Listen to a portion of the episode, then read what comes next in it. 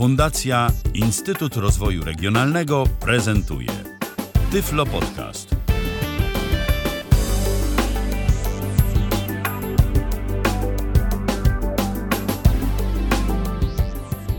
Dzień dobry, mówi Michał Kasperczak. Y, Dzisiaj y, po raz drugi y, gościem Tyfloradia jest Jaromir Kop, z którym będę rozmawiać i który będzie opowiadać o starych komputerach Apple, choć już nie o takich komputerach zupełnie najstarszych, bo tydzień temu mówiliśmy o tych komputerach bardzo starych, a dzisiaj od, y, dokończymy, właściwie dokończyliśmy systemy klasyczne Apple i skupimy się na systemach y, już tych y, nowszych y, po roku 2001. Y, Miło mi bardzo, że zostałem ponownie zaproszony. Cieszę się, bo y, po moim po ostatnim słowotoku chyba mogliście zauważyć, że lubię o tych rzeczach rozmawiać. Teraz postarałem się zrobić jakąś listę, ale pewnie i tak będę dryfował jak, jak zwykle. Y, Tutaj taka mała uwaga, że jeszcze ciut zahaczymy o te systemy klasyczne, o ich schyłek, żeby właśnie wyjaśnić, czemu Apple robił tak rozpaczliwe ruchy z poszukiwaniem nowego systemu. Ja tylko przypomnę, że audycja mm, jest na żywo, że można do nas zadzwonić y, pod y, numer telefonu 123 834 835. Czyli co? Systemy klasyczne, y, rok gdzieś tak końcówka, czyli 2000, 2001 pewnie. I co E, tam? Nie, bo ja. Znaczy, bardzo dobrze mówisz, tylko y, znaczy wszystko daty poprawne, że się tak wyrażę, tylko ja chciałem się cofnąć właśnie do tych problemów. Okej. Pamiętam jak na Mac warsztatach to była taka impreza zorganizowana przez y, no, takich y, zagorzałych fanów Apple'a. Wyjazdowa się z całej Polski zjechali, tak jak y, może pamiętacie jak mówiłem, że kiedyś to się wszyscy Apple'owcy z jednego miasta znali, no bo było ich kilkudziesięciu, co nie? No to tutaj z całej Polski też się zjechało, no też kilkadziesiąt osób, tych najbardziej zagorzałych, którzy mieli ochotę na takie wycieczki. I pamiętam, to był 98 rok, pamiętam jak rozpaczliwie wtedy wszyscy rozmawiali o następcy systemu, bo było, tak jak już ostatnio wspominałem, no był kłopot. Ten system już nie był taki stabilny, yy, był z, yy, no, z Windowsem to wiadomo, w wielu wypa- w większości wypadków był lepszy od Windowsa, ale nie, nie we wszystkich. I tutaj trzeba, y, tak jak mówiłem, stabilność, y, multitasking był bardzo kiepski, pamięci nie było tak zwanego wywłaszczenia, ochrony pamięci. Te programy jak 7 z- zawiesił, mogło, pociągnęło to całą lawinę i trzeba było coś z tym zrobić. No i Apple próbował własnymi, własnym sumptem zrobić nowy system operacyjny. Mm, Copland taką miał przynajmniej jedna z ta najbardziej jakby głośna z przecieków, bo to o tym się oficjalnie nie mówiło. Wersja następcy yy, tak się nazywała. Najśmieszniej, że tu i ówdzie wyciekły wersje beta. Ja nigdy nie miałem, chociaż bardzo chciałem do niej dostępu, beta albo nawet alfa, ale paru znajomych miało okazję na nim popracować i no i to było, było coś. Tu jeszcze taka mała dygresja, bo w międzyczasie wtedy wspominałem o Newtonie. Newton Message Pad, czyli protoplasta, y, y, jakby mówiąc w amerykańskim stylu, y, ojciec wszystkich iPadów, a, a, a, a też nawet lepiej ojciec wszystkich tabletów. Tabletów nawet, tak. Tak, tak, bo to, y, bo to on był, no, no, był pierwszy tak naprawdę tego typu urządzenie. I y, czemu mówię o nim? A propos systemów operacyjnych, bo w nim Apple zrobił bardzo fajny system operacyjny, bardzo nowatorski. Y, O dziwo działał bardzo sprawnie, jeżeli chodzi o wydajność na takim urządzeniu. Wtedy no, tam był taki sam w zasadzie procesor jak obecnie w iPhone'ach, znaczy na tej samej rodziny, bo to był ARM. Apple brał y, udział, w, ma, miał udziały, nadal chyba ma w konsorcjum ARM, które wtedy wymyślało te procesory, to ma korzenie brytyjskie. I system operacyjny był y, obiektowy do tego stopnia, że każdy dokument, każda aplikacja mogła otworzyć każdy dokument. Oczywiście nie mogła ze wszystkich jego elementów skorzystać, ale y, to, to było tak zrobione, że cały, y, no, bardzo obiektowy był. I, I, w zasadzie to, żeby nie wnikać w szczegóły, to ta obiektyw, obiektowość aż do bólu, która się tak naprawdę sprawdzała, tam był problem w zasadzie jedynie z rozpoznawaniem pisma, za to bardzo duży, bo to miała być jego największa zaleta, okazało się największą porażką, to rozpoznawanie pisma przez niego. Mam znajomych, którzy do teraz z niego korzystają. Nawet się jakieś tam nakładki z polskimi znakami pojawiły do tego. Znaczy już tak bardziej hobbystycznie, ale to nadal można używać i bez jakichś, no, no i coś na tym robić, coś na tym notować. To, to nadal działa. Oczywiście te dużo późniejsze wersje. I yy, Czyli Apple potrafił, jak chciał, zrobić bardzo fajny system operacyjny, ale jednak system do Newtona to nie jest to samo, co system na, na komputer. To jednak jest no, dużo prostsza rzecz. I tak biedni się męczyli z tym Coplandem. Y, męczyli właśnie 98 rok, gdzie już ludzie wiedzieli, że tam coś się dzieje, że oni kombinują, szukają. Potem, tak jak mówiłeś, 2000 rok, kiedy dopiero coś się zaczęło pojawiać. Mniej więcej w 98 roku, 97, wtedy właśnie zaczęli, wtedy odkupili Jobsa. Bo tu też taka mała dygresja historyczna, bo nie, może nie wszyscy wiedzą, że Jobs, założyciel, współzałożyciel Apple'a, był tak y, ambitnie, ambitnym i przez to y, y, ciężkim do zniesienia człowiekiem, że facet, prezes Apple'a, którego sam Jobs namówił do tego, żeby został prezesem Apple'a, facet, który przeszedł z Pepsi Coli, no, po tych słynnych słowach, czy chcesz do końca życia sprzedawać słodzoną wodę. Tak sobie wziął do serca dobro Apple'a, że stwierdził, że Jobsa trzeba usunąć. No i Jobs w 1985 roku wyleciał. Znaczy, no takie mu warunki postawili, że po prostu sam zrezygnował, bo to było bez sensu dla niego, dla tak ambitnej osoby. I po jakimś y, paru latach rozterki zaczął tworzyć własny komputer, y, słynny Next. Yy, oczywiście, jak zwykle, przegiął ze wszystkimi, tylko, gdzie tylko się dało, przegiął od y, ambicji co do systemu operacyjnego, co do ceny wyposażenia przez fabrykę, które były robione w USA. Zadbał nawet o to, żeby roboty, które na linii produkcyjnej, które składały tam niektóre elementy komputerów, wszystko miało mieć odpowiedni kolor. Ale te Nexty, one się pojawiły w sprzedaży w ogóle, tak? One moż, były, można było je kupić, tak. te komputery?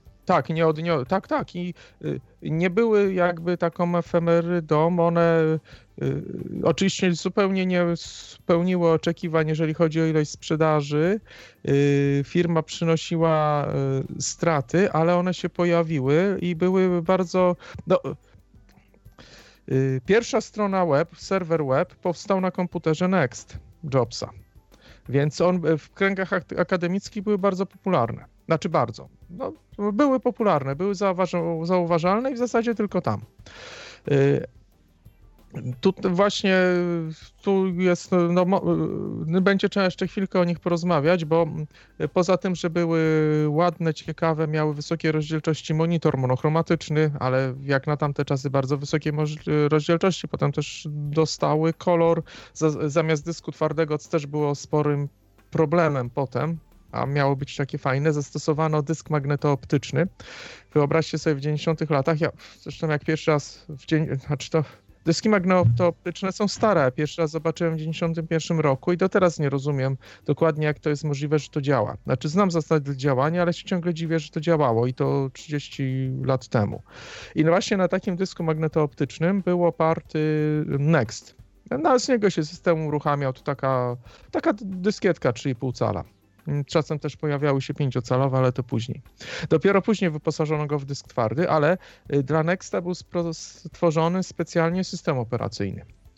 Nie tylko, znaczy stworzony. No, tak jak tu we wszystkich działaniach Jobson nie był y, na tyle nierozsądny, że wszystko robisz od podstaw. No, y, system operacyjny oparto na y, jądrze BSD, nakład, no, w zasadzie cała grafika została, interfejs użytkownika stworzony. Też, żeby stworzyć system, to zaadaptowano język programowania Objective-C stosowany do teraz, co prawda pomału zastępowany przez Swift, ale no, to był przez wiele lat, póki Swift się nie pojawił, główny w zasadzie, no prakty- może nie jedyny, ale 90% programów na iOS i 80 parę na macOS powstawało w tym języku. A przynajmniej tych y, robionych przez mniejsze firmy. I ten język został zaadaptowany i rozbudowany właśnie dla dotworzenia oprogramowania i systemu Next, y, język obiektowy. Sam system był bardzo udany. Miał wszystkie zalety, jakie powinien mieć system. No i właśnie. A, i, i, i, y, był dobry. Generalnie doszło do tego, że on był sprzedawany przez jakiś czas, bo najśmieszniej, że była jego wersja na Intela, bo oczywiście Nexty chodziły na procesorach Motorola. I też miały ten sam problem, y, bo Motorola y, miała ten 0,40 procesor jak Quadra, potem się no, skończyły te procesory, o czym już ostatnio mówiliśmy. I y, system Next powstał na Intela i był sprzedawany też luzem. Można go było sobie na PC zainstalować, z tego co pamiętam. Przynajmniej na jakichś takich wybranych jednostkach. To też będzie ciekawe w kwestii właśnie przejścia plana Intela, do czego przejdziemy trochę później. I teraz tak, mamy, mamy Apple'a, który ma kłopoty z systemem operacyjnym. Yy, mamy Nexta, który ma kłopoty z komputerami, które się nie sprzedają, bo są za drogie, zbyt ambitne i tak dalej. I Jobsa, który wszystko łączy. Tak, i Jobsa, który dojrzewa. Który wraca ale jeszcze nie, jeszcze ale nie już, może inaczej, wraca, dojrzewa w sensie, że już nie yy, nabiera rozsądku. Yy, I yy, w międzyczasie Apple na przykład, nie wiem czy pasjonaci informatyki na pewno sobie przypomną taki system BOS. A tak, nie pokręciłem nazwy, BOS. Y, to było coś, co na przykład niektórzy fani Amigi z tym też wiązali jakieś nadzieje. Najśmieszniej, że BIOS można było na Macach zainstalować, na Power Macach. I y, ten system działa, można go było zainstalować, programów na niego prawie nie było, ale system był całkiem niezły. I to on był robiony w zasadzie przez jedną osobę, y, rozwijany i znaczy przez, znaczy przez bardzo niewielką firmę. E, Apple zaczął pertraktować z właścicielem BOS, tylko jemu się w głowie przywróciło. Jak e, powiedzieli mu, że dają mu tam ileś milionów, do, set milionów dolarów, on nagle powiedział, że chce dwa razy więcej, coś zaczął kombinować, coś, no i w końcu no, Apple stwierdził, że aż tyle to to nie jest warte.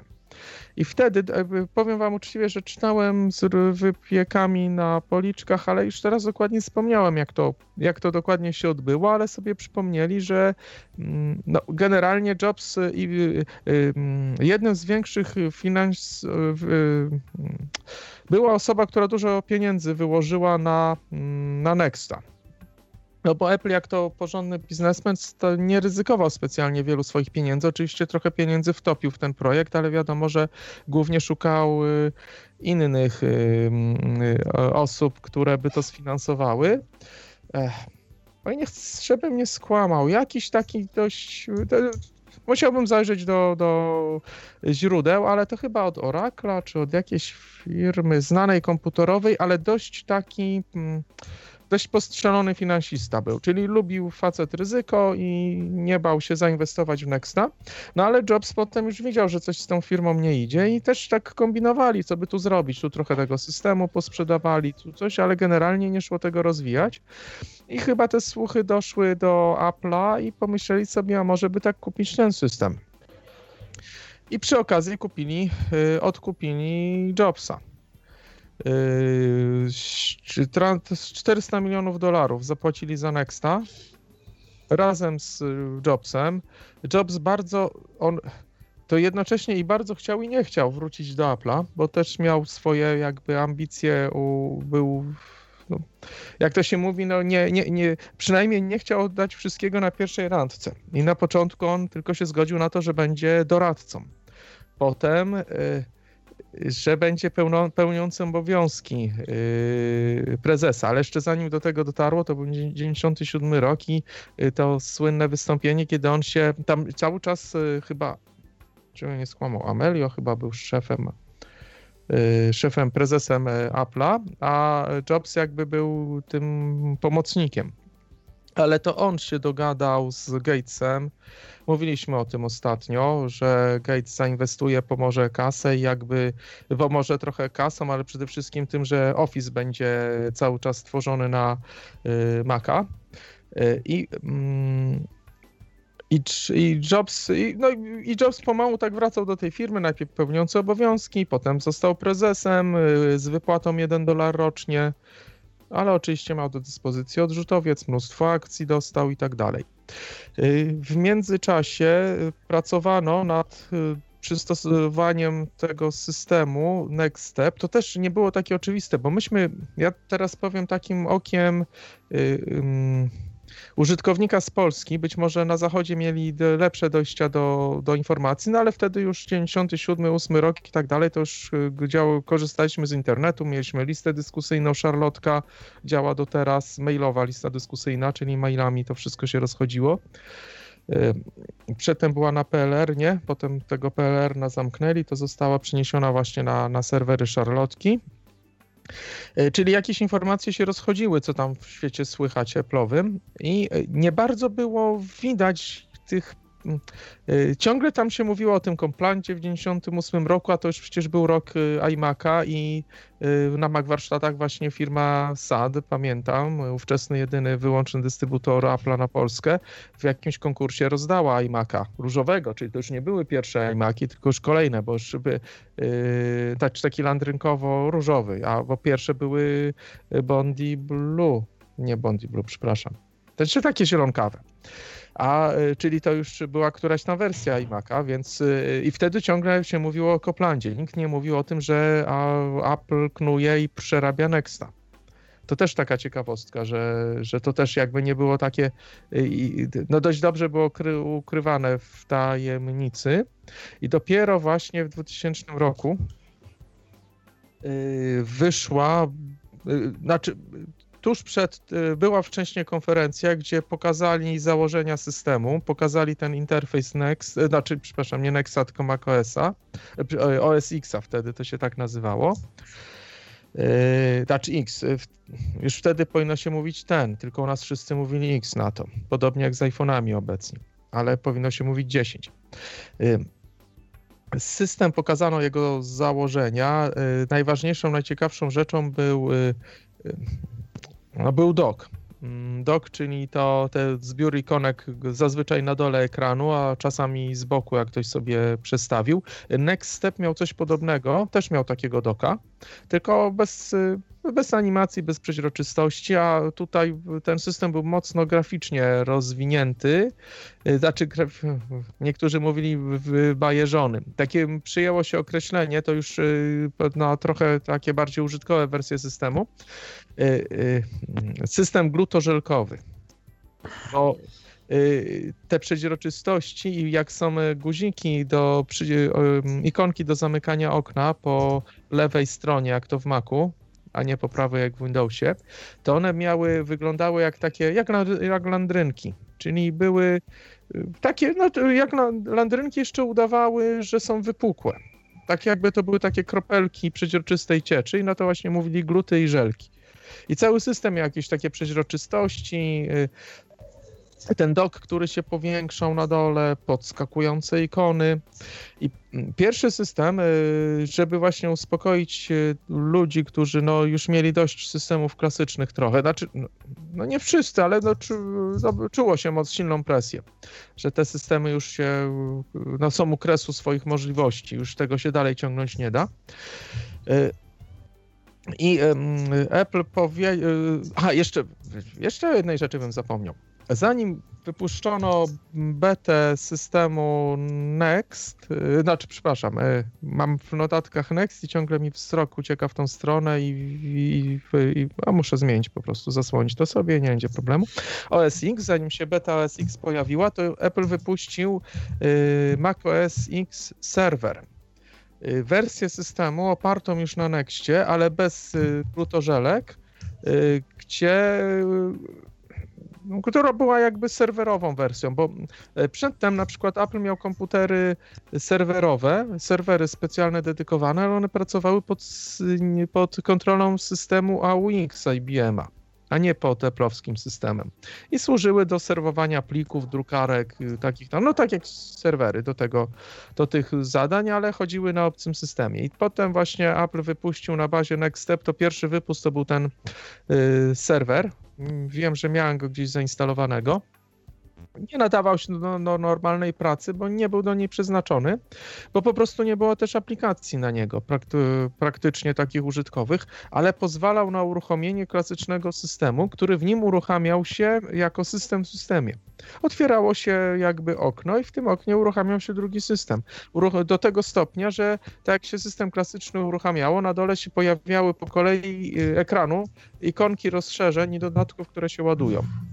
To tutaj było dokładnie tak samo. Się cały system ładował łącznie z tym y, obrazkiem przy, przywitalnym systemu w tym oknie, czyli no, system w systemie, no to było duże marnowanie y, zasobów komputera.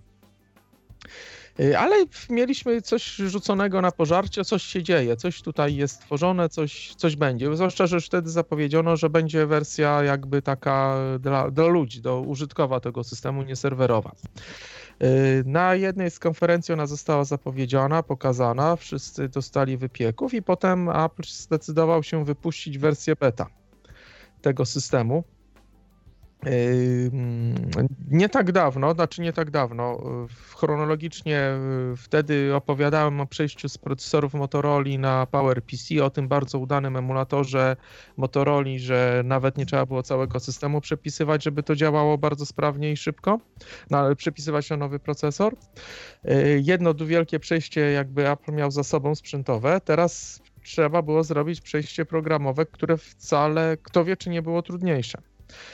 Y, bo tak, było bardzo dużo aplikacji napisanych dla starego systemu. Niektóre firmy bardzo niechętnie y, myślały o tym, żeby, żeby nagle tworzyć swoje oprogramowanie na nowy system. Y, OS X miał no, no on był cały interfejs, mimo że to też wszystko okienkowe i tak dalej, ale cały interfejs się nazywał Coca, Coco, Cocoa, Cocoa, Kakao, tak? Tak, oko. I, e, a e, stary system no, działał na innych zasadach. Aplikacje inaczej rozmawiały z systemem, był dużo bardziej, dużo prostszy.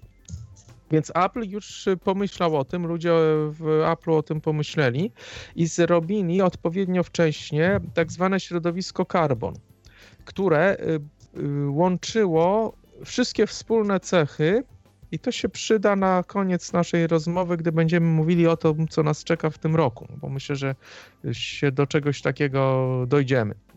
E, e, Apple stworzył takie środowisko, e, które było wspólne dla obu systemów. Środowisko dla aplikacji, czy na przykład jak program mm, rozmawiał jakby w cudzysłowie z plikami, no to e, w jednym i w drugim systemie wydawał te same polecenia do systemu. Jak e, okienko, to te same polecenia wydawał.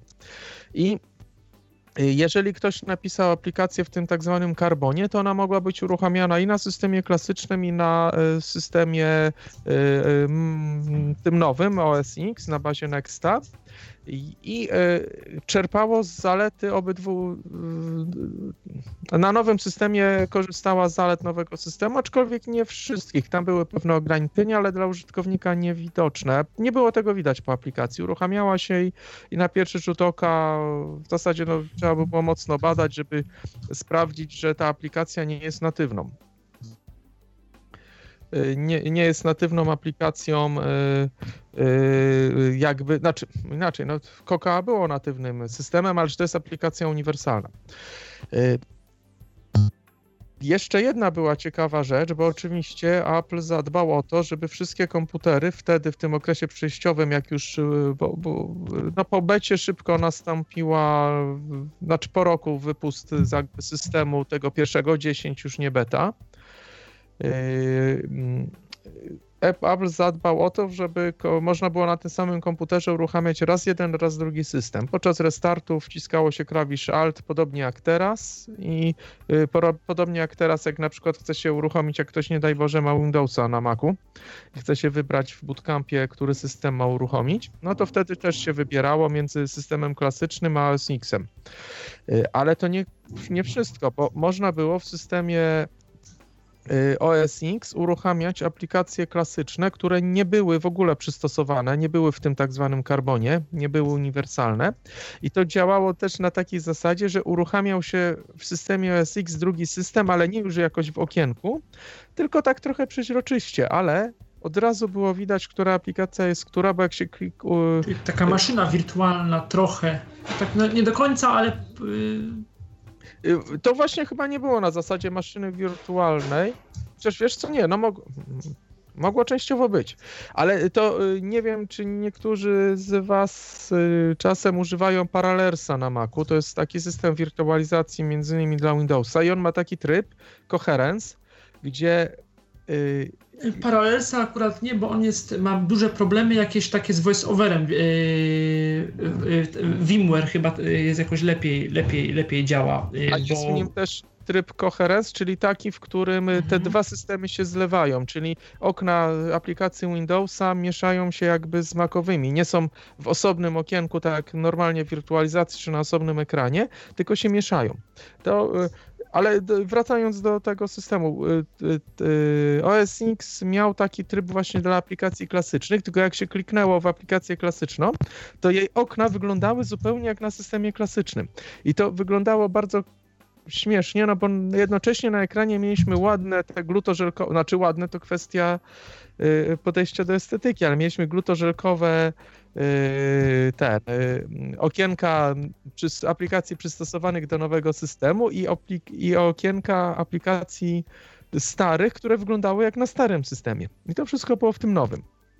Ale dzięki temu można było zdecydowaną większość aplikacji klasycznych uruchamiać, nie przełączając się do starego systemu.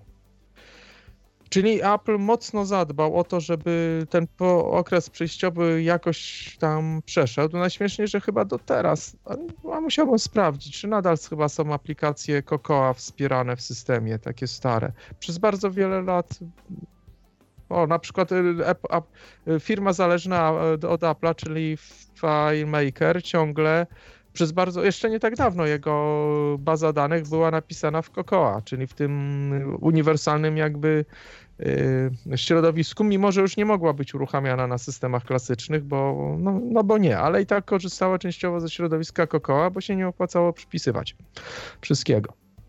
Przepraszam, nie Cocoa, Carbon. Carbon. Cocoa to jest natywne OS X, a Carbon to jest to uniwersalne. Yy, dobrze, czyli yy, okres przejściowy był znaczy, ja jako entuzjasta go wspominam mile, no bo oczywiście on był ciężki. Tam kombinowaliśmy, żeby z tego SX-a coś wydusić, specjalne partycje na pamięć y, y, wirtualną, bo tam ciągle pamięci brakowało w tym systemie, mimo że ja miałem niebagatelne. No, ja miałem jeden, przez jakiś czas 1 giga pamięci w PowerBooku. A, a dysku miałem wtedy 6 giga, a pamięci 1 giga. To naprawdę y, to, y, na przełomie wieków to było dużo pamięci, zwłaszcza w notebooku. No tak. Nie, taka dość niespotykana ilość, a to tylko dlatego, że tamten y, PowerBook miał y, bardzo duże sloty na pamięć SODIMM i te, te pamięci takie wielkie SODIMM 512 MB były mało komputerów mogło je przyjąć. I one przez to były bardzo tanie, no bo gdzieś tam ktoś nas sprowadzał tego do Polski, a potem nie bardzo wiedział, co z tym zrobić i sprzedawał je stosunkowo tanio i można było dwa takie wsadzić i miało się jeden giga. Najgorsze, że w nowszych wersjach już się nie mieściły. Albo mieściła się jedna taka, a druga mniejsza, czyli potem było 768 mega. No ale to, to i tak było dużo. A i tak dla OS X bywało za mało lubiał się przydusić. Dopiero wersje na poziomie 1.10.1 jakoś y, były tak w miarę stabilnie, a i tak wszyscy mówią, że 10.3 dopiero. 10.3 był takim systemem, na którym dawało się normalnie mm, pracować. Y, też taka ciekawostka, bo wtedy główną przeglądarką nadal był Microsoft Explorer, przeglądarką webową, w OS X również. E, e, Microsoft bardzo szybko przystosował swoją przeglądarkę do systemu 10 i chyba już nawet do, działała na becie macOS Xa czy macOSa 10, bo pierwszą wersję uniwersalną na macOSa Microsoft wypuścił w, w maju 2000 roku, czyli to wtedy, kiedy beta weszła w zasadzie. Mhm. Y, I yy, znaczy nie, przepraszam, wtedy w tym momencie wychodziła pierwsza wersja stabilna. Beta właśnie działała do maja, miała działać do maja, yy, bo ona była Poczekaj, wiesz no, żebym nie nakręcił z datami, to musiałbym sięgnąć po czasopismo, ale tak czy siak na e, Microsoft Explorer był bardzo wcześnie na nowy system przystosowany. E, generalnie to była dość duża katastrofa i to chociażby z tego powodu, że Microsoft zdecydował się oprzeć przeglądarkę na Macową, zresztą również na systemy klasyczne wcześniejsze, na silniku renderującym strony, który nie był używany na Windowsie. On był tylko i wyłącznie używany w Microsoft e, Explorerze tylko na Macu. Wyobraźcie sobie, że taka efemeryda, to się Tasman nazywało, taki te, ten silnik e, Y, silnik y, web, y, no, do renderowania stron. I wtedy mieliśmy wybór między Mozillą, Firefoxem, a, a właśnie Internet Explorerem. I no, wybór był dość taki sobie niewielki. I E, teraz no, większość użytkowników Maców używa jednak przeglądarki Safari, no bo Safari czy wtedy Firefoxa jeszcze na początku lat 2000 nie było? Czy była Mozilla, była Mozilla, Mozilla tam, tak. chyba czy mhm. tak, bo był ten Netscape, to był pod Windowsem, nie wiem jak to było na Macu. Był na, był na Maca, był na Maca. Też był na Właśnie, Macu. bo generalnie z tymi nazwami Netscape, Mozilla i tak dalej, bo to taka kontynuacja, to ja zawsze się w nich y, gubiłem. Tak, no ale Mozilla ja... to jakoś tak 2000, wiem, że Firefox to jakoś bodajże 2003-2004 rok dopiero, jakoś tak, no, ale nie, mniejsza już o te chronologiczne 2003, tak. A, ale y, generalnie z tej rodziny przeglądarkę to w 96 roku używałem tak, na Tak, ten Netscape. Mhm. Y, I, y, I ona, one były dostępne mm, i ten Explorer. Y, Explorera używało się wtedy, jak jakaś strona nie chciała na Mozilla chodzić i zazwyczaj niestety na Explorerze, e, Exploder na niego mówiliśmy, też nie chciała chodzić, bo on był zrobiony na silniku innym niż wersja Windowsowa, więc nie miał pełnej zgodności z wersją Windowsową, która i tak była zgodna tylko ze samą sobą i po prostu był niezły e, kociokwik. Na szczęście Apple przyszedł z odsieczą i e, to też nie była jego pierwsza przeglądarka internetowa Safari, bo dawno, dawno temu miał taką jedną własną. CyberDog się chyba nazywała.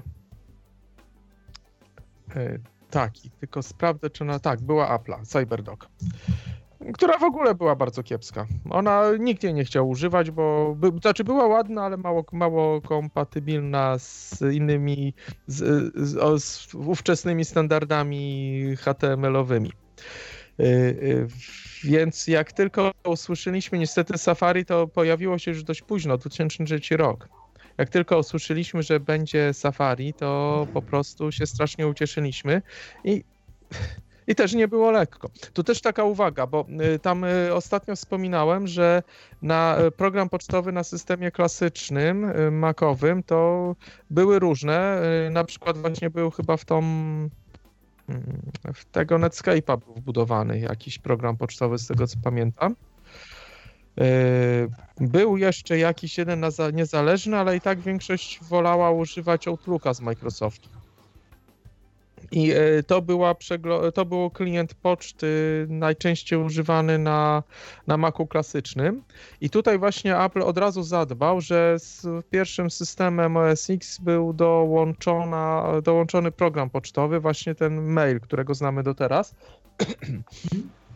Oczywiście bardzo wczesna wersja, ale e, znaczy wczesna, wszystko wtedy było wczesne, ale nadawał się do pracy i no, ja od początku go zacząłem używać i generalnie y, niektórzy narzekali, psioczyli, ale do moich zastosowań wystarczało od samego początku, ale z przeglądarką www był problem. I tutaj właśnie mieliśmy, no, z, z utęsknieniem czekaliśmy, znaczy nie wiedzieliśmy, że jakieś Safari powstanie. Jak to wtedy jeszcze z y, Apple potrafił utrzymywać tajemnicę dość dobrze. I, e, e, no i to Safari się pojawiło w 2003 roku dopiero, jak już OS X był w zasadzie dość dojrzałym systemem. E, teraz tak, no, Tak jak wspomniałem, OS X był pomyślany tak troszkę graficznie dość mocno. On, e, też bardzo ciekawa, e, fajna rzecz, która bardzo mi się spodobała wtedy, nie tylko mi. OS X na dzień dobry obsługiwał PDF-a bez żadnych go konieczności instalacji jakichś akrobatów czy dodatków e, od Adobe'ego, które oczywiście były obecne. Ja była, no, bardzo wcześnie, pamiętam, używałem z PDF-ów i Akrobata jeszcze jak one nie obsługiwały literki EU polskiej. Był problem w PDF-ach z literką EU przez wiele, przy, przez kilka wczesnych lat. To, końc, połowa lat 90., końcówka jakoś tak, bo to gdzieś koło. Nie, nie nawet na, przed połową lat 90. Ja już, ja już miałem styczność z PDF-ami. Ale żeby je obsługiwać, trzeba było używać, trzeba było instalować oprogramowanie Adobe'ego a w, w, systemach klasycznych, a w OS X na dzień dobry on obsługiwał PDF-y za pomocą, tak jak obecnie, przeglądarki, tej aplikacji przeglądarka, preview. I podgląd. I Przepraszam, podgląd. podgląd. Tak, tak. tak. Ma, masz rację. Y Chociaż przeglądarka, tak w sumie w kwestii formalnej, przeglądarka też zawsze może otworzyć PDF-a właściwie. W y, Safari tak. też możemy PDF-a tak otworzyć. Tak, ale ja mówiąc e, przeglądarka miałem na myśli tą aplikację Podgląd. Yy, więc dobrze, że mnie poprawiłeś, bo to właśnie o, o, o to chodziło. Teraz tak, yy, kolejna rzecz fajna związana z PDF-ami to to, że system na dzień dobry wypluwał PDF. Czyli yy, princie, jak się robiło wyprint, to jak ostatnio opowiadałem może trochę o Resedicie i własnoręcznym przerabianiu wersji językowych programów, to mm, i tak mi wyprint do teraz zostało, jak kolega tak zmienił wszystkim y, aplikacje y, freehand, y, gdzie zamiast print było wyprint. I drukując mogliśmy sobie wybrać, tak jak teraz możemy nadal, zapisz do PDF. I to było bardzo wygodne, bo nie trzeba było sobie instalować żadnych dodatków od Adobe'ego. Tak się ładnie dogadali jakoś licencyjnie, że to... I generalnie to tam też wiadomo, że do teraz nie wszystko działa. Jak na przykład sobie wysyłamy do... Y, teraz temat na czasie rozliczenia PIT-y, wysyłamy do Urzędu Skarbowego PIT-a, potem dostajemy potwierdzenie, to jest y, pliku PDF, ale w takim, którego możemy otworzyć tylko oprogramowaniem od Adobe'ego, bo y, y, podgląd sobie z nim nie, poradzi bo tam jest te, te, szyfrowanie, jakieś kody potwierdzenia, coś tam ten, więc pełnej zgodności nie ma, ale i tak mamy bardzo fajnie z tym PDF-em i to mieliśmy już od no, do tego 2000 powiedzmy roku z haczykiem bardzo, bardzo mile wspominam te PDF-y. No i też bardzo fajna rzecz, że ten system rzeczywiście działał. Znaczy na początku ciągle się mówiło, że piłka plażowa, pi, plażowa piłka śmierci. Jak były, coś się działo i trzeba było na coś czekać, to w miejscu kursora myszy wyświetlała się, kiedy się wyświetlał zegarek, a w systemach no w, w dziesiątkach się wyświetlała taka piłka plażowa. Mhm tęczowe takie kółeczko się kręcące i właśnie wyglądało jak piłka plażowa, taka wirująca. I na to, ponieważ często było tak, że to się wyświetlało, wyświetlało, nie chciało się przestać wyświetlać, to mówiliśmy na to plażowa piłka śmierci. Tylko, że tak, nawet jak jakiś program wyświetlił tą piłkę plażową, no to cały system się nie wieszał, tylko ten program wisiał. Można było jakby uratować rzeczy robione w innych programach i to była y, rzecz, która poprzednie systemy nie miały duża, duża zaleta. Y, teraz y, tak, o teraz u mnie pieski szczekają. Y, Czyli stabilność już wtedy, mimo że nie była idealna, ale przynajmniej jak się ten program wysypał, czy coś się z nim stało, nie zawieszało całego komputera. Zresztą często ta piłka plażowa się kręciła, kręciła po prostu bardzo długo, bo, a potem zaczynało działać, bo niestety to nie działało całkiem szybko ten, ten system, bo nie do końca był zoptymalizowany jeszcze. I miał, też miał taki zwyczaj, że wszelką wolną pamięć przeznaczał na jakby buforowanie danych z dysku. I, e, I też czasem zanim tam zwolnił pamięć, zanim coś tam, to, to zaczął zakładać pliki pamięci wirtualnej, to spowalniało, wtedy były dyski mechaniczne, więc chwilami nie było różowo. Ale i też czekaliśmy, długo trzeba było czekać na niektóre aplikacje. Na przykład Photoshop się tak no musiałbym sprawdzić, ale on no, dość długo trzeba było na Adobe'ego poczekać, aż dostosowuje, dostosuje swoje aplikacje do, do OS Xa. Właśnie nie pamiętam jak to było z Office'em.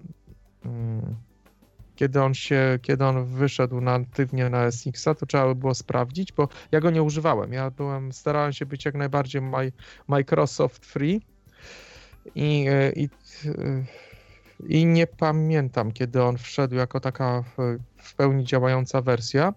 Dla mnie najważniejsze było, że programy graficzne właśnie jeszcze wtedy Fime, przepraszam, nie FileMaker, tylko Freehand y, pojawił się dość w miarę wcześnie na OS X i dawało się na nim y, całkiem przyzwoicie pracować, a jak nie, to zawsze można go było uruchamiać ten czy inne programy w tym trybie klasycznym. Tu też taka uwaga, bo ostatni system, który pozwalał na uruchamianie klasycznych aplikacji. Przede wszystkim klasyczne aplikacje działały do momentu wprowadzenia Intela. Ostatni system, który na to pozwalał, to chyba był macOS 10, macOS 10.5. Późniejsze systemy już y, nie pozwalały nawet na doinstalowywanie środowiska klasycznego.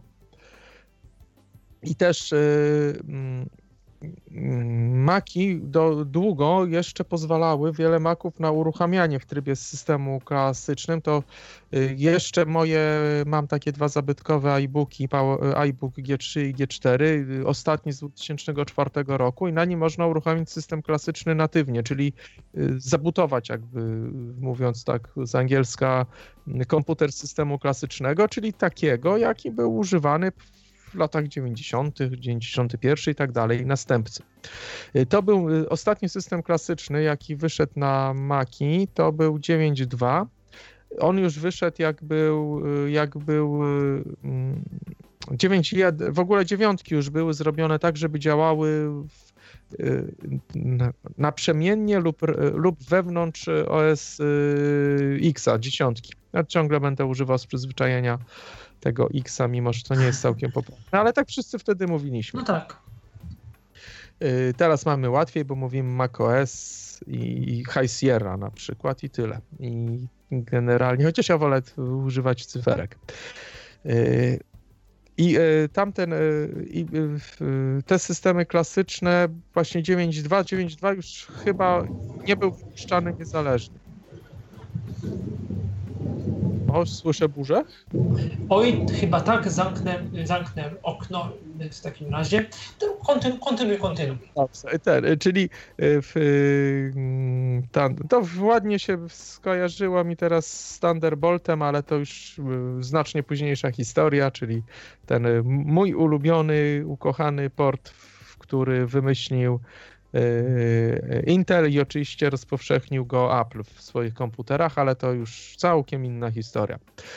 Yy, czyli ostatni system klasyczny 9.2 pozwala, no to działało tak do 2004-2005 roku nawet. Można było w miarę spokojnie używać. Najśmieszniej, że jeszcze potem, bo potem pojawiły się maki, które nie, nie pozwalały na uruchomienie systemu klasycznego. Y, natywnie, a nawet a po, y, i y, przez to mm, no, niektórym użytkownikom sprawiło to problem, bo czasem zdarzały się no, drogie systemy na przykład do obsługi naświetlarek, do tworzenia klisz drukarskich. I oprogramowanie do nich było bardzo drogie, bardzo specjalizowane i jak to działało systemem klasycznym, to nie miało, nie było po co tego zmieniać i bardzo dużo firm no, robiło wszystko, co się da, żeby jak najnowocześniejszy, najszybszy komputer mieć, ale zgodny z systemem klasycznym. I no i, i taka, nie pamiętam, ostatni chyba był Power Mac G4 600 MHz, już nie pamiętam, bo któryś tam y, dwuprocesorowy chyba był pierwszym, który nie, mógł, nie pozwalał się uruchamiać w tym trybie. Tak czy siak do tego 2004-2005 roku to jakoś było ciągnięte, a potem pomału zaczęliśmy zapominać o systemach yy, klasycznych. No tym bardziej, że ten kolejny ruch Apple, o, o którym zaraz sobie powiemy, czyli przejście na komputery Intel niejako wymusił y, już taką y, definitywną rezygnację i, i zapomnienie, od, od, odłożenie tych dawnych, klasycznych przyzwyczajeń i klasycznych y, aplikacji. I systemów, dokładnie. I systemów. Mhm. Bo y, te systemy nie dawało się uruchomić na Intelu, bo y, to też jest generalnie dość ciekawa historia, bo tak, y, znowu przypomnę, dawno temu mieliśmy przejście z Motorola na PowerPC, czyli zmiana architektury procesora. Potem mieliśmy przejście to systemowe. Też, tak jak mówiłem, kto wie, czy nie bardziej skomplikowane niż przejście to procesorowe, przynajmniej ze względu użytkownika. Tamto przejście z Motorola na PowerPC było stosunkowo gładkie ze względu na bardzo dobry emulator. On nie, też nie był w stanie zaemulować, zaemulować wszystkich aplikacji, na przykład wymagającego procesora klasycznego, arytmetycznego Motorola nie działały z emulatorem. I to, czyli tam też były, trafiały się problemy, ale generalnie to było bardzo gładkie. Przejście na systemy, no było, nie było takie gładkie między systemami, bo raz, że aplikacje się dość powoli pojawiały, a drugie, że ten system no dojrzewał. No, ze trzy lata mu zajęło, zanim stał się taki całkiem używalny. Dla normalnego użytkownika, nie takiego fana jak ja, fana now nowinek wszelkich od Apple'a. I potem y, nastała też e, jeszcze przypomnę, że wtedy jak było przejście z Motorola na PowerPC, o tym mówiłem, że e, równolegle Apple wypuszczał komputery z jednym i z drugim procesorem. I to nie, mimo że jakby użytkownicy wiedzieli, że przyszłość jest z PowerPC, to i tak kupowali, między innymi ja kupiłem Maca z Motorola. Potem pojawiły się Intele. Znaczy inaczej, no nie pojawiły się, bo potem Generalnie PowerPC było całkiem fajnym procesorem. Y, pojawiły się, pojawiło się PowerPC G4, bardzo fajne, wydajne, aczkolwiek pomału zaczęło odstawać od możliwości najlepszych Inteli, Pentiumów. Yy, walczyło z nim dzielnie i w zasadzie web w web, ale no, Apple'owcy zawsze lubili być krok do przodu. I potem y, y, w, mm, przypomnę, że procesory głównie robił IBM, PowerPC G4 robiła głównie Motorola, a potem IBM wypuścił PowerPC G5. Bardzo wydajny jak na tamte czasy procesor. Na jego bazie powstało parę, parę komputerów stacjonarnych, czyli przede wszystkim Power Mac G5 w pięknej tej metalowej, ażurowej obudowie z takimi no to było piękne, jak się w ogóle otworzyło ten komputer, też bardzo łatwo, to w środku po prostu on był piękny. Nawet y, to miejsce, gdzie były procesory, te bloki chłodzące, bo niektóre z nich były chłodzone wodą. Y, chyba już nawet G4, tu niektóre były chłodzone wodą, ale już nie pamiętam, ale na pewno G5 były. I y, to ale to po prostu wyglądało tak naj, jak silnik w najdroższych samochodach, gdzie wy, po wyjechaniu z salonu, gdzie to jest tak wszystko pięknie obudowane, w środku podnosi się maska, tam widać takie cudo. I tu było podobnie, tylko dużo bardziej upakowane. Ale i tak było dużo miejsca na dyski twarde y, i na, na takie dodatki i y, no, naprawdę to było śliczne po prostu. No i bardzo te procesory były, były bardzo mocne, G5. Naprawdę przez wiele lat mogły walczyć z Intelem. Web w web problemem było to, że jak już wspomniałem, chłodzenie wodą i żarły prądu jak smog, żeby były wydajne. IBM generalnie firma robiąca y, procesory, które do komputerów, które zajmują pokoje, a nie, a nie pudełka. Bo to wszystko na architekturze Power IBM oparte były PowerPC, czyli na architekturze przejętej z mainframe'ów komputerów dużych. Więc e, IBM nie miał specjalnie wielkich ciągot wtedy. Jeszcze tak ekologia nie, nie, nie, nie była to ważna, żeby oszczędzać e, prąd. Po prostu miało być wydajne, no i trzeba to było jakoś ochłodzić, czyli te procesory się w żaden sposób do notebooków nie nadawały. I nie szło zmusić ani Motorola, ani IBM-a nie były w stanie zrobić procesorów, które byłyby i wydajne, i energooszczędne. I, i właśnie w to przeważyło szale jakby, znaczy to, to była ta kropla goryczy, która zmusiła, wymusiła przejście na Intela. Ale to też jeszcze wróćmy do, y, no jakby troszkę się cofnijmy, bo pamiętam jak wyszło Power, Power Mac G4 z procesorem Power PC G4. On był reklamowany jako broń, znaczy inaczej. W jednej z reklam, reklama wyglądała tak, że czołgi amerykańskiej armii, fajnie by to wyglądało, bo jak większość reklam na bia całkiem białe pomieszczenie i tam manewrują czołgi. I one otaczają komputer i tak jakby, jakby go chronią, nie otoczony przez sześć czy ileś czołgów i że y, klasyfikowany jako broń, bo to był pierwszy komputer, który przekroczył moc y, obliczeniową tam ileś gigaflopsów nie chcę skłamać ile, ale to było coś, co przez jakiś czas Ministerstwo Obrony USA traktowało, że urządzenia o tej mocy obliczeniowej są traktowane jako broń. Bo mają, są tak wydajne. I e, w tym samym czasie też e, na przykład była Apple wypuszczał reklamę nie wiem, znaczy podejrzewam, że tam puszczał ją w telewizji, ale w internetach ona chodziła, jak to się brzydko mówi, i na stronie Apple'a. E, Intel w tym czasie miał takie swoje reklamy z człowiekiem ubranym w taki strój y, totalnie sterylny, w taki jakby strój kosmiczny, z, y, y, mm, skafander jakby kosmiczny, taki właśnie sterylny, który się używa w laboratoriach, żeby nic tam żadnych zanieczyszczeń nie wnieść. I Intel się chwalił właśnie, że tam taki laboratorium w jakiejś reklamie pokazywał i jak ten, ten właśnie osoba w tym stroju wynosi te krzemowy, ten krąg, na którym się te procesory wypala, ten krążek y, krzemowy, ta płytka, y, na którym się trawi jakby procesory.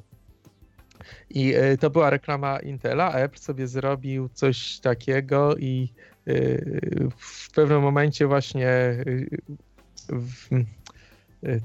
nie pamiętam dokładnie treści, ale było coś takiego, że, że teraz Inter się zapali, let's smoke, coś tam. I że y, PowerPC G4 oczywiście pięknie chodzi, a Intel już nie daje rady i się przegrzewa. I pokazywali właśnie takiego samego człowieka ubranego w strój laboratoryjny, ala skafander kosmiczny, który, czyli te, no, typowo z reklamy Intela i który nagle za, zaczyna mu się, gdzieś tam się robi pożar, coś tam gaszą, nie? I on wychodzi i tak mu się jeszcze but pali.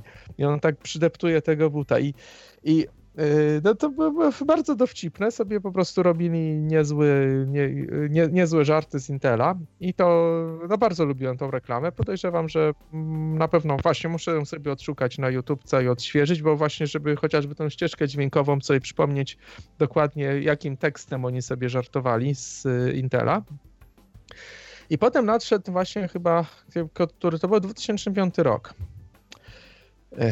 Chodziły już wcześniej plotki o tym, że Apple przejdzie na Intela. No, no, nie wszystko się uda utrzymać w tajemnicy, tylko to było takie no, nierealne. Ale takie plotki chodziły. No i Jobs wtedy w końcu ogłosił, że tak, e, przechodzimy na Intela i e, na scenie, ale ponoć bardzo długo Jobs e, próbował i zmusić, pertraktował, bo prezes Intela ówczesny szef, nie pamiętam jak się nazywał, bardzo tego nie chciał zrobić, ale Jobs go zmusił, żeby on się ubrał w ten skafander, taki jak w tych reklamach i nagle pokazują taki y, y, kurtyna, dym i z tego dymu wyłania się facet w tym skafandrze, niosąc właśnie taki krążek jak w reklamie y, y Intela, ale tym razem ten dym tam zostaje za nim, on wychodzi i y, już nie powiem, zdejmuje hełm, widzimy, patrzymy prezes Intela w tym skafandrze i coś mówi, że teraz już jesteśmy gotowi. I, y, no i wtedy takie strasznie pomieszane tam odgłosy, bo to na WWDC było, czyli w czerwcu, czyli na konferencji deweloperów. No, najlepsze miejsce, żeby pokazać, zaanonsować to przejście. I yy, to takie bardzo to. Znaczy, to, to nie. nie no, ja taki. Ja przez wiele lat miałem na spłuczce klozetowej, miałem nalepkę Intel Insight i dla mnie, no, nie nadal nie kocham Intela i nie lubię, ale no, no czułem, że to jest nieuniknione, no cóż, no trzeba się było z tym pogodzić. Nadal uważam te Intele, z, no, że struk, architektura jest bardzo bałaganiarska, ten ogon kompatybilności z 8-bitowym niemalże procesorem ciągnięty i to, no, to takie bardzo, no nie lubię ich, no.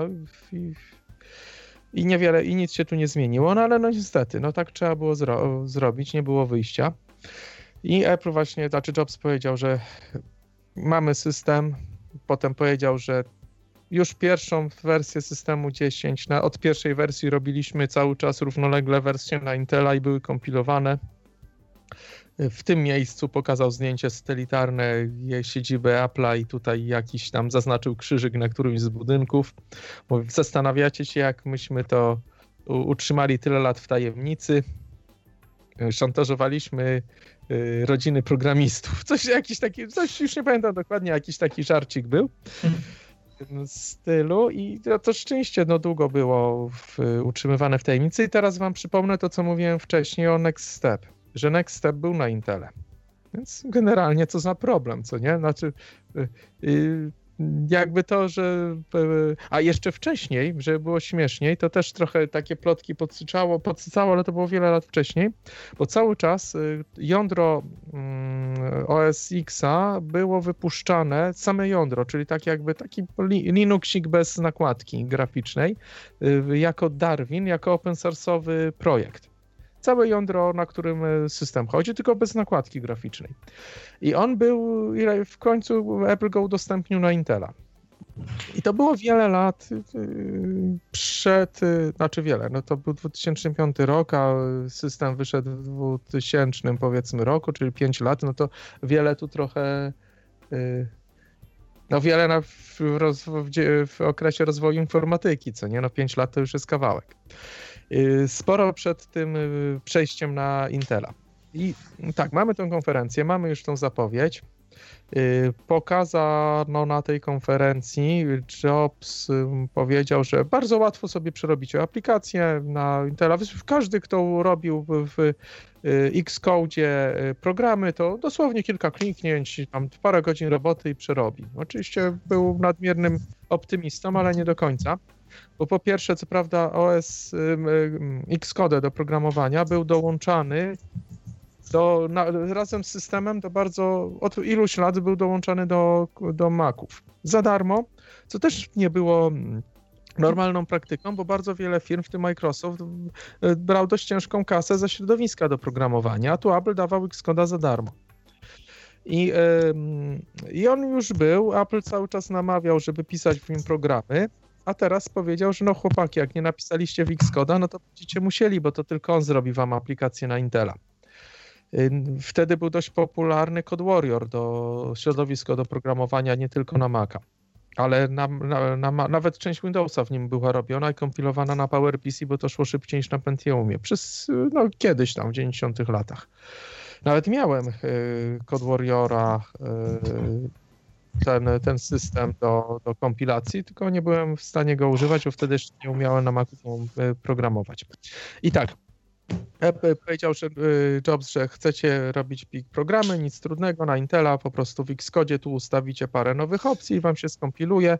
Oczywiście e, przesadził, tak jak już mówiłem, bo tak, wyobraźcie sobie, że nie wiem, czy słyszeliście czasem zwrot programistyczny Big Endian, Little Endian dotyczący kolejności y, ułożenia informacji w pamięci. Czyli y, jak bajty mniej i bardziej znaczący są ustawione, który pierwszy, który drugi. Y, Intel oczywiście miał to odwrotnie, czyli inaczej niż my liczymy, czyli nie najpierw jeden, najpierw jednostki, potem dziesiątki, tylko najpierw dziesiątki, a potem jednostki. Tak w uproszczeniu.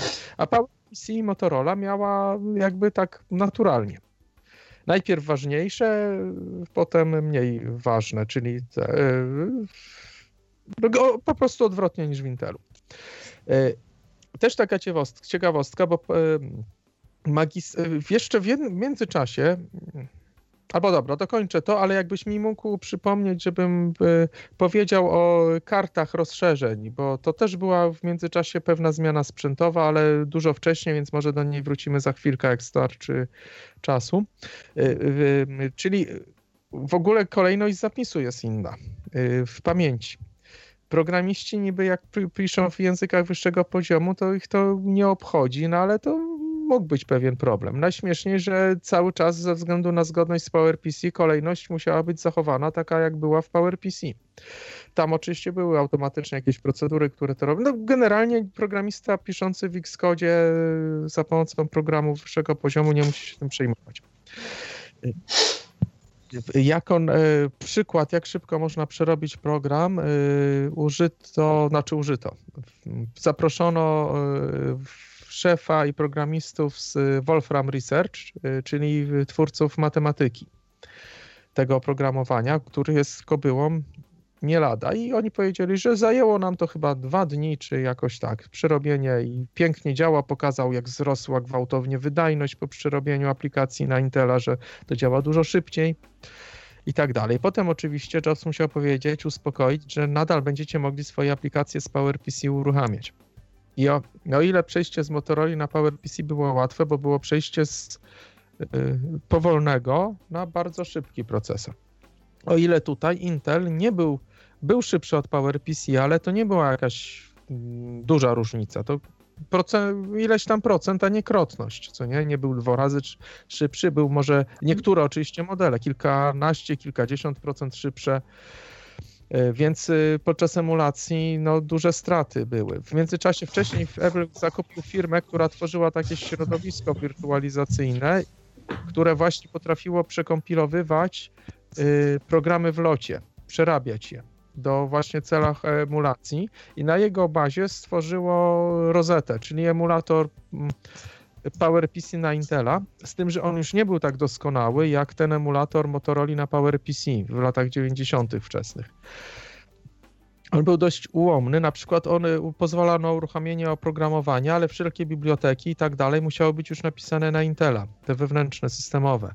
Tu nie, y, a tamten emulator tłumaczył wszystko jak leci, nawet kawałek, nawet system mógł być napisany na Motorola, a działał, a działał, bo tamten emulator był zawarty w ROMie komputerów częściowo, a może nawet i cały, kopiowany z ROMu i, i a tutaj to był dodatek jakby systemowy. Yy, pierwszy system to był 10.4, yy, który miał zgodność, pojawił się na obydwie yy, platformy, znaczy na Intela i PowerPC. On miał, y, była wypuszczona specjalna wersja, tam nie pamiętam 10.4 ileś z tą rozetą, ale y, pamiętajmy, że y, mm, Apple zapowiedział przejście w czerwcu 2005 roku, ale pierwszy komputer z sprzedaży pojawił się w styczniu 2006, czyli pół roku później. Czyli programiści mieli trochę czasu.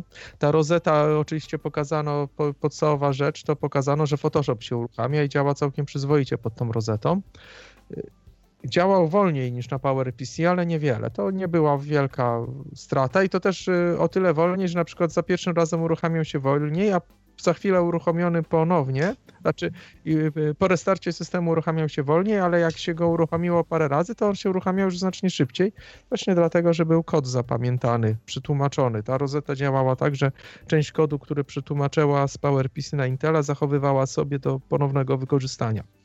I część roboty miała z głowy, więc kolejne uruchamiania były już szybsze, program działał trochę szybciej, ale nie była to jakaś zawrotna prędkość. Aplikacje z PowerPC na Intelu działały wolniej, niedostosowane. Szybsze były tylko te dostosowane do Intela. Y, Apple wtedy ogłosił, że deweloperom będzie wypożyczał za 1000 dolarów, wypożyczy komputery zrobione, komputery deweloperskie specjalne, y, na których właśnie ten system z Intelem, na których ten system chodził. Najśmieszniej, że te komputery potem trzeba było oddać, ale 1000 dolarów Apple nie oddawał. De, czyli zresztą generalnie wtedy deweloperka była taka, no, nie była taka tania, co prawda Xcode był za darmo, ale właśnie te wszystkie takie niuanse trzeba, typu właśnie dostęp do nowego sprzętu mm, takiego, który był właśnie no, przy tym przejściu. W Polsce, gdzie w ogóle tych, ten rynek tych maków nie było yy, dużo. Wtedy już nie było tak źle, bo y, zwróć uwagę, że ja y, iBooka G4, tego co jeszcze do teraz mam, ja w 2000 chyba jakoś czwartym roku y, on kosztował około 3000 zł. To ja nie mówię, że to było mało, ale to nie mhm. było dużo drożej niż notebooki PC-owe.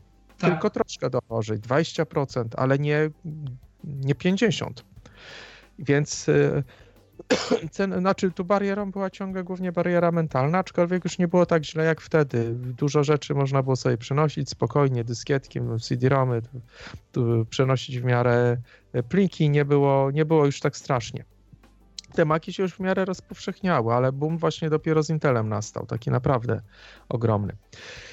I teraz tak pomału zmierzając do końca z tym przejściem, to mm, deweloperzy mogli sobie te maszyny wziąć, podpisując potężne zobowiązanie, że nie będą ich udostępniać. Najśmieszniej, że te maszyny były na, na BIOSie, tak jak wszystkie pecety. Y, niektórzy oczywiście, tam były jakieś zabezpieczenia, niektórzy próbowali zaraz kombinować, jak ten system uruchomić na zwykłym pececie no, ten, bo ten system wyciekł oczywiście, no bo nie, nie upilnuje się deweloperów. Oczywiście on nie mógł wyciec od tych deweloperów, ale wyciekał. No wiadomo, że tam się coś działo, kombinowali, cudowali, tam były bardzo fajne zabezpieczenia przez Apple zrobione, że to się nie dało na byle czym uruchomić. Nawet jak y, udało się uzbierać odpowiednie komponenty. I y, nastał styczeń i pierwszy komputer wypuszczony to był PowerBook y, Mm, PowerBook, przepraszam, MacBook Pro. Już nie Power. Tak, aha, bo no tak, to już, yy, Pro, teraz właśnie. MacBooki się pojawiają. Tak, wtedy zmieniono nazwę, no bo Power to już, żeby nie kojarzyło się z Power, Power PC. Tak, czyli MacBook Pro i najpierw wypuścili wersję Pro. No była, no była niezła. I to był pierwszy seryjnie sprzedawany komputer z Intelem. Zaraz, nie pamiętam kiedy wyszedł pierwszy stacjonarny. Czy Mac Mini wyszedł jakoś później, czy dużo później. Bo Mac Mini to dopiero wtedy się pojawił, tak? Wcześniej nie, nie było nie, takiego. Był, był, był. Mac było. Mini był na PowerPC. On się w 2003, drugi rok, on się, on, on to z, y, wiele lat przed Intelem, kilka lat I przed to Intelem. od początku było tak rekomendowane jako taki komputer z jednej strony najtańszy, a z drugiej strony jako taki serwer, tak? Taki właśnie mini komputer, czyli taki y, nie, nie był jako, jako, jako serwer rekomendowany, tylko sobie ludzie wymyślili, że się do tego dobrze nadaje. Może tak. Y, tak bym to ujął, bo no, w, w Apple nie wymyślił go jako serwer, Apple go mhm, wymyślił, właśnie, tak jak ostatnio mówiłem, jako urządzenie, że wywalamy z biurka peceta i wstawiamy w to miejsce Maca i podpinamy pecetową mysz, klawiaturę i monitor i to działa. I on był jakby do tego zrobiony, żeby y, zapewnić szybki start. Nie był strasznie wydajny i nie, teraz nie pamiętam, czy kiedy się Mac Mini na Intelu pojawił, bo czy przed MacBookiem bez Pro, czy nie. I w maju pojawił się MacBook bez Pro w plastikowej białej obudowie i od razu go kupiłem, jak tylko mogłem. Z pierwszej serii, jaka przyszła do Polski, sprzedałem, znalazłem okazję, żeby sprzedać mojego Power, y, mm, PowerBooka G4. Y, udało mi się to tak zrobić, że nie dokładałem pieniędzy, bo wtedy ludzie jeszcze ciągle bardzo chcieli niektórzy power, komputery z PowerPC, wiedzieli, że już ich nie ma, więc te na rynku wtórnym nie, nie straciły na jeszcze. Mhm, a wręcz tak, nawet y, nie traciły ceny specjalnie. Zwłaszcza, że ja już, ja już go kupiłem używanego okazyjnie i tutaj się udało go dobrze sprzedać i y, wystarczyło mi na tego MacBooka białego i no i byłem bardzo zadowolony, bo praktycznie wszystko mi się udało dość szybko dostosować do tego, do wszystkie aplikacje. Mój system pozudanowy właśnie tej firmy zależnie od Apple'a FileMaker nie był przystosowany dość długo i rzeczywiście się no, czuło, że nie działa super szybko, ale ja, mi wystarcza, nie miałem tam skomplikowanych projektów. I ten komputer, który kupiłem, był strasznie zawodny w ogóle ta seria to y, oni y, na dzień dobry wyleciał, chyba w ciągu miesiąca wylądował w serwisie, y, bo w ogóle się coś tam w nim spaliło niemalże. Płysnęło, huknęło, przestał działać. Potem kolejna wada po wymianie, trzecia wada, za czwartym razem zażądałem wymiany na nowy. I to, to już było to w ciągu roku, te, te awarie, z tym, że ja cały czas byłem zadowolony, jak działał bo on był fajny. Przede wszystkim tak, miał kamerkę, pierwszy chyba, wtedy wcześniejsze nie miały kamerki, jeżeli dobrze pamiętam. Miał to kamerkę. było podobne do, do, tego, co później znaliśmy, tak? Że porty USB 2.0, wtedy kamerka. Porty USB 2.0 już miałem chyba w iBooku. Aha, a no tak, mogło, to już mogły być. Tak. Co tam jeszcze było? Firewire złącze? Czy to w Pro było MacBook? Miał nie, jeszcze, było chyba. Miał jeszcze Firewire. Nie, fire, w iBooku też miałem Firewire. No to Facebook to tym bardziej, tak, tak, tak. Myślałem, Ale no, iBook tak, to już... ta wersja też tania, co nie? A tak, tak, tak. i ten jakby był następcą iBooków, bo to była też ta wersja tania. I bardzo nawiązywał wyglądem do nich, tylko no 13-calowy ekran mi się bardzo podobał, bo przy tym miałem 12-calowy o proporcjach 3 na 4 a tutaj miałem ekran y, taki no, w tych proporcjach, co teraz mamy i rozdzielczości 1280 czyli takie jak teraz, y, do niedawna jeszcze miały 13-calowe komputery Apple'a. I to, i to w, no i był szybki, on miał dwurdzeniowy procesor, Core Duo, właśnie to też, y, że on był na początku robiony specjalnie dla Apple'a, potem poszedł do PC-ów, to jeszcze był ten czas, że rzeczywiście Intele miały najpierw wypusty dla Apple'a, to się no, kilka lat później zmieniło niestety. Y, I mm, co tam jeszcze było fajnego? Nie, no, no, szybki był, po prostu był, był szybki, jak miało się aplikacje intelowe. Był, był fajnie się go rozbudowywało, bo łatwo się wyjmowało akumulator, łatwo się wyjmowało dysk twardy, łatwo się wyjmowało pamięci, co prawda trzeba było mieć maleńki śrubokręcik, bo trzeba było taką blaszkę odkręcić, ale to generalnie Czyli wtedy było... jeszcze te modyfikacje były dużo, dużo prostsze niż, niż obecnie, niż, generalnie niż później. Jeszcze przez parę lat były dość proste. Y, to do tych unibody, wtedy się skończyło. No ale no tak, to było proste, to się robiło łatwo. Y, co tam jeszcze w nim się mi podobało? Do teraz go mam, znaczy nie tego, tego pierwszego, ten mój pierwszy się tak psuł, że w końcu przy czwartej naprawie pod koniec gwarancji zażądałem wymiany na nowy i, i w zasadzie od, i zaraz dostałem maila, w zasadzie to ma pan rację. I tak się zdziwiłem trochę, bo ja oczywiście tak mój czucznie że to już trzecia, w zasadzie trzy razy i czwarty raz go wysłałem do serwisu. I to mi się o tyle fuksnęło, bo nie dość, że mi wymienili na e, nowszy model, to jeszcze nie, bo były trzy wersje. Najtańsza, środkowa i najbardziej wypasiona. To jeszcze na środkową wersję. Czyli e, już dostałem Core 2 Duo, czyli 64-bitowy, dlatego mi dość długo posłużył do mhm. systemu mhm. 10.7 E, bo, bo to był ostatni, który właśnie na nich y, działa. E, I no i no, i byłem za też szybszym zegarem trochę, bo tamten pierwszy miał 1,80 coś mega gigaherca, potem 2,16 dostałem ten nowy i naprawdę dobrze, dobrze mi służył to bateria mi spuchła w międzyczasie, ale szybko mi wymienili, był jakiś program wymiany baterii. Y, były perypetie, ale bardzo przecież no policzmy, 2006, 2007, bo 2007 do 2013 roku mi służył. No prawie 7 lat. No 6. 6. Niecałe, bo to był y, trzy. Nie, no dobrze, sześć lat. Tak, przepraszam. Jasne. Mhm. Yy, 2010.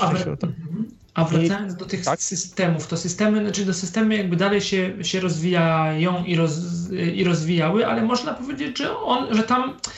To jest tak, kontynuacja wielkich y, różnic, oczywiście y, są pewne szczegóły techniczne, o których można by mówić dużo i programiści pewnie mogliby mówić dużo, ale generalnie tak dla użytkownika to chyba taką naj, największą, pomijam też jakieś kwestie graficzne, z których sobie, czy wyglądowe, z których sobie nie zdaję sprawy i też te monitory, wyświetlacze Retina, które się pojawiły czy potem w MacBookach Pro, ale generalnie jakby tak dla użytkownika taką, jeżeli chodzi o sposób pracy, to już później nic się nie zmieniło, poza tym, że doszła ta większa unifikacja z coraz bardziej popularnym iPhone'em za sprawą iClouda, prawda? No bo kiedyś nie było tego iClouda jako takiej wewnętrznej chmury przechowującej dane aplikacji, no teraz już również dane takie użytkownika. Y, mm, racja. W ogóle to z tym, że takie zapędy chmurowe to u Apple'a były od dawna. Było to, jak to było? To Mo Mobile Me to się nazywało? Nie, wcześ nie. wcześniej było .mac. A, to tego to w ogóle nie znam. No, ja żałuję do teraz, bo straciłem adres w domenie mac.com. Niestety. Mhm. Bo, bo, oni wtedy sobie chcieli za to. Z, było najpierw za darmo, potem wprowadzili opłaty. Mobile Mi też było płatne. I co wchodziło w skład tego .mac, to po prostu. Dysk twardy sieciowy, dy, dysk, dysk twardy na chmurze. Mhm. To, I to był dwu, wczesne lata 2000, to było bardzo dawno temu. Y, y, I to tylko z Maca ale... mogłeś logować, czy przez przeglądarkę tak po prostu coś? Chyba tylko z Maca i nie wiem, czy nie był jakiś klient na Windowsa napisany. Ale to głównie działało mhm. na Macu. Tam były jakieś usługi. Hmm. Naprawdę ja, głównie to było to, że mieliśmy pocztę w tej domenie i poczta u nich na serwerze była i, y, i ta usługa dyskowa. I w zasadzie ja nie bardzo z tego korzystałem, bo to działało wolno. Zresztą w ogóle wtedy mieliśmy wolny internet, a to jeszcze mm. było całkiem wolne. I później było to Mobile Me, to, to było taki prekursor, że tam jakiś też chyba wspólny kalendarz można było coś tam, nie, to było coś takiego. Tak, kalendarze, te rzeczy, ale to też było płatne i, i, i, i ponoć katos, i zawodne. To działało bardzo kiepsko. Wszyscy, nawet Jobs kiedyś na którejś konferencji przyznał, że to było że to im się nie udało. No, powiedzmy sobie szczerze, no Apple tych chmur, z jednej strony ten iCloud, oczywiście to też można by zrobić kiedyś osobną w ogóle audycję o chmurach i o iCloudzie. No iCloud, który oczywiście on wewnątrz jakby pomiędzy aplikacjami i tak dalej, no on na pewno się i przyspieszył i się rozwinął coraz bardziej, no ale tak z perspektywy chmury do przechowywania czy do udostępniania plików, owszem, y, kwestie prywatności i tak dalej, super, ale jeżeli idzie o ergonomię, no to wciąż nie, nie, nie jest tak zintegrowany, jakby mógł być na przykład tak jak to, y, jak ekspansję czyni Google z Google Drive'em i w, w Androidzie, a, tak, a nie jest też tak prosty iCloud, jak na przykład udostępnianie plików w Dropboxie, gdzie można komuś już teraz obojętnie, czy ma Dropbox, czy nie, wysłać link do pliku, do folderu jakiegoś albo do to czegoś. Nie gniewaj się, że ci przerwę i, i w, y, pozwolę sobie mieć inne zdanie. Znaczy, część rzeczy masz rację, zgadzam się, ale tak, po pierwsze można udostępniać pliki już z iClouda komukolwiek, ale tylko tak, ale tylko też, ale tu też masz rację, bo tylko pliki, na przykład nie można folderu. Tak, i trzeba pamiętać, żeby ten plik e, jakby go od, e, upublicznić i wskazać e, tam konkretną osobę. Nie można tak prosto, znaczy no niby można, można. z schowka skopiować link, ale trzeba jeszcze y, pamiętać, żeby ten, czy ten link jest jakby publiczny, kiedy on wygaśnie albo nie wygaśnie. No nie Właśnie... jest to takie proste. Ale generalnie większość systemów, jak na przykład z Kunapa udostępniam z dysku sieciowego, to tam też muszę pamiętać o tym, czy publiczny, czy niepubliczny na hasło, czy nie, tylko tam na przykład mogę teczkę udostępnić. To jest mm. dużo, ale y, tak, y, ja ostatnio. No, w Dropboxie robiłem... jest to wszystko prostsze, ale ro, rozumiem tylko też przede wszystkim dro... bezpieczeństwa i ideę iClouda. To ja to, tego nie Ale drop, jest... Dropbox zaśmieca ci dysk, a z iCloud wręcz odwrotnie. Ja mam ciągle dysk 120 giga i ciągle mam, właśnie sobie zerknę, bo to się właśnie systematycznie zmienia. O, mam 40 giga wolnego, wyobraźcie to sobie. Nie tam, żebym robił jakieś straszne montaże na plikach wideo, czy tam coś, no, ale no trochę tych danych mam. Ja mam, włączyłem disk drive i mam dokumenty w chmurze i biurko w chmurze. To jest tak fajne, Najlepsze było to, że jeszcze na wersji wczesnej becie, gdzie pierwszy raz jak to weszło, czyli to było dwa lata temu, tak? Czy trzy już nawet? Dwa, dwa. Dwa jak, jak to weszło, zaraz betę posadziłem i ta beta mi totalnie nie działała. W ogóle przestał mi podpisy, jakiś był problem z certyfikatem yy, bezpieczeństwa w systemie. I wtedy stwierdziłem, że oczywiście miałem kopię, mogłem wszystko przywrócić, ale ja byłem taki fan bet, że już włączyłem dokumenty w chmurze, to się ładnie synchronizowało, yy, że włączyłem, yy, że za, zaorałem system pierwszy raz od 13 lat i posadziłem na czysto jakie było moje takie, no niby to tak powinno być, ale to jak się nie, nie doświadczy tego, to, to jest y, szok. Odpalam komputer czysty, tylko z czystym systemem, tylko się zalogowałem, tam potwierdziłem dane iClouda, tam ten, yy, powłączałem te wszystkie opcje, komputer się uruchamia, patrzę, wszystkie moje dokumenty są. Hmm. I to naprawdę zadziałało świetnie. Drugie, że jak się korzysta z iPhone'a z aplikacji pliki, bardzo często korzystam z tego, że na przykład, yy, aż często mam bałagan na biurku, to sobie w iPhone'ie wchodzę w moje biurko na komputerze i tam pobieram pliki i, mogę na przykład komuś wysłać w terenie. Aha, bo to, to biurko to też jest tak działa, że w iPhone, że wtedy w aplikacji pliki jest folder biurko i jakby tak, jest, są ikonki plików na biurku, które są. Znaczy tak, tak. I ma się do nich dostęp, z tym, że one się nie ładują, trzeba pliknąć puknąć, żeby się załadowało. I to się ładują wszystkie pliki, obojętnie, znaczy w sensie, że z iPhone'a mamy dostęp też do tych makowych rzeczy, których nie uruchomimy na iPhone'ie, tak? Że na przykład jest skrót, nie wiem, do, do aplikacji albo do folderu.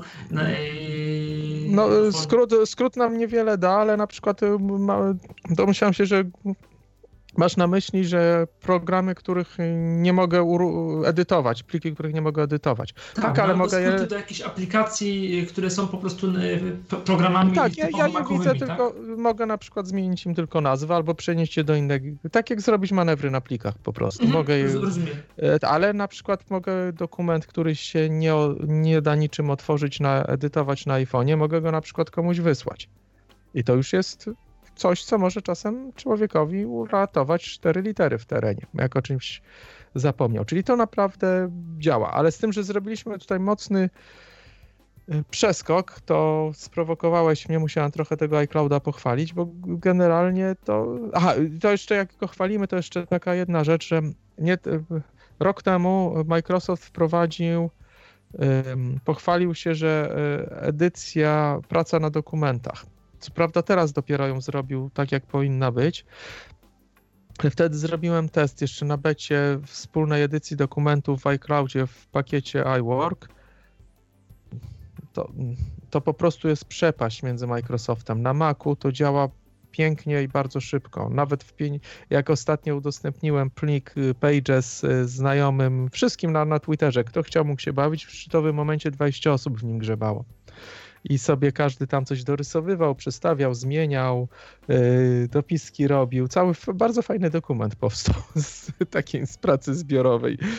I, i, to, I to działało, to naprawdę działa. Yy, iCloud, yy, iWork teraz działa w chmurze, można go sobie spokojnie, ta aplikacja webowa iCloud ma niewiele ograniczeń względem prawdziwych aplikacji, no oczywiście ma, ale nie, nie są jakieś druzgocące i można świetnie na Windowsie z niego korzystać, z iClouda a w ogóle puszczanie jakieś prezentacje czy coś, czy to, to, to, to, to jest świetne i to jest, chodzi wszystko na bazie iClouda, tak żeby nie było, oczywiście tak jak mówisz, ja się całkowicie z tobą zgadzam, że jak udostęp, brak udostępniania folderu to boli, ale z drugiej strony to, że Dropbox mi zaśmiecał dysk, ja teraz z Dropboxa się wycwaniłem, wysłałem go na dysk sieciowy i dysk sieciowy mi obsługuje Dropboxa, ma na szczęście do tego aplikację, bo mnie, bo ja go wywaliłem z dysku, bo mi zajmował miejsce. Te wszystkie pliki mi się ściągały na dysk i nie potrafiłem tego wyłączyć. Ponoć tylko w jakichś wersjach y, grubopłatnych Dropboxa można to zrobić. A iCloud, jak mi brakuje miejsca na dysku, no to sprawdza, które są zabezpieczone w chmurze i je wywala. A lepiej, bo i tak, jak mam kopię na tej maszynie na dysku, zewnętrznym, to te nawet te dokumenty, które on wysłał do chmury i skasował, bo brakowało miejsca, to na kopii na dysku mam a na drugim dysku, jak sobie uruchamiam system z, zewnętrznego dysku z innego systemu, tam mam wyłączoną optymalizację i tam jest obowiązek, że wszystkie pliki muszą być na dysku. Więc raz na jakiś czas go odpalam, zostawiam go na noc, on wszystkie dokumenty sobie z chmury ściągnie i mam jeszcze jakby na wszelki wypadek kopię taką na dysku zewnętrznym wszystkich moich danych, ale to dlatego, że ja lubię mieć dużo kopii, co i wam polecam. Y, czyli tak, y, ja bym jeszcze chmury bym zostawił, bo to już weszliśmy do teraźniejszości, ale króciutko to, co mówiłem o jednej w przejściu, bym jeszcze wspomniał. Y, w międzyczasie, bardzo dawno temu, w latach 90., przypomnę, że komputery Apple'a miały inne karty rozszerzeń. Teraz mamy PCI i tam różne ich następcy, na, następców. Express, PCI, PCIe, czy jakie one się tam nazywają. A kiedyś e, Apple miał e, wymyślone przez Texas Instruments rozszerzenia Nubas. I te karty były w Power Macach jeszcze. I bardzo, niektórzy mieli bardzo drogie urządzenia na tych kartach, na świetlarki, protulsy, te systemy muzyczne, o których tam wspominałem ostatnio. E, I to było zrobione jakby pod kątem Apple'a, dla Apple'a i fajnie działało, ale w pewnym momencie z Power, jeszcze w latach, w połowie, nie, przed połową nie, dokładnie w połowie lat 90. z Power Macami 9500 tam 500, 9600, 700 tam 20 przeszedł na PCI, na standard PCI. I tutaj już był pierwszy problem, bo w PCI jest przecież Intela i tam właśnie te kolejność tych bitów, co wam wcześniej mówiłem przy programowaniu, też jest odwrotna, więc już w komputerach musiał być układ sprzętowy, który je zamieniał. To też taka ciekawostka, że to też można, o, o tym czasem się zapomina, ale też było takie przejście, zmiana architektury totalniej, totalna zmiana architektury kart, co też wielu użytkowników mogło zaboleć, bo nagle stracili dostęp do swoich kart nie, nierzadko bardzo drogich kart graficznych, które potrafiły być gorsze, droższe od komputera. Dużo droższe od drogiego Maca. To też taka, taka, takie przejście. I teraz też taka końcówka już, że macOS na bazie Next Step, który był na PowerPC, jest na Intela. Nie zapomnijmy, że OS X, tvOS, WatchOS i te wszystkie systemy, również ten w głośniku w HomePodzie, one wszystkie mają jądro to same, co mamy w komputerze. Generalnie nie ma problemu. Ten system no, działa na Y, y, działa w iPhone'ie, to jest w zasadzie ten sam system, jest tylko otoczka graficzna. Interfejs użytkownika jest zmieniony. Nawet jak się programuje, to bardzo dużo funkcji jest identycznych. Jeszcze do niedawna, póki się Swift 4 chyba, czy Swift 3 nie pojawił, język programowania, y, ciągle się w niektórych funkcjach systemowych, zresztą jak się oprogramuje w Objective-C, to nadal, wiele słów kluczowych zaczyna się od literek NS czyli skrót od Next Step, czyli systemu z Nextów. O tym i to do teraz, wywołując funkcje systemowe na przykład od obsługi yy, yy, no, tekstów, czyli tam z tak zwanych stringów. To się NS-string nazywa, czyli widzimy, że mamy historię z wczesnych lat 90. z systemu Next Step, ciągle, ciągle jakby w, w środku i to również w iPhone'ie, żeby nie było.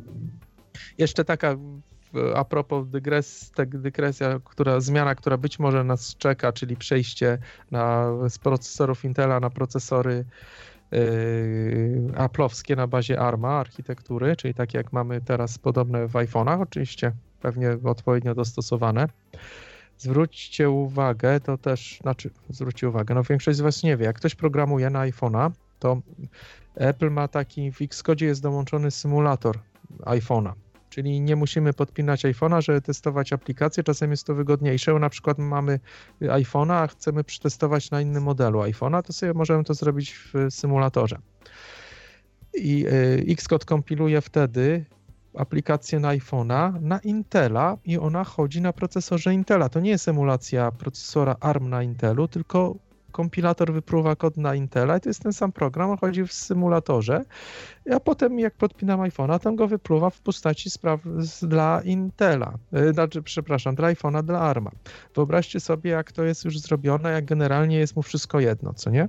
Więc co za problem zrobić niedługo przejście na kolejne procesory. Teraz będzie jeszcze łatwiej. Byleby, zwłaszcza, że zdecydowana większość programistów korzysta z Xcode'a.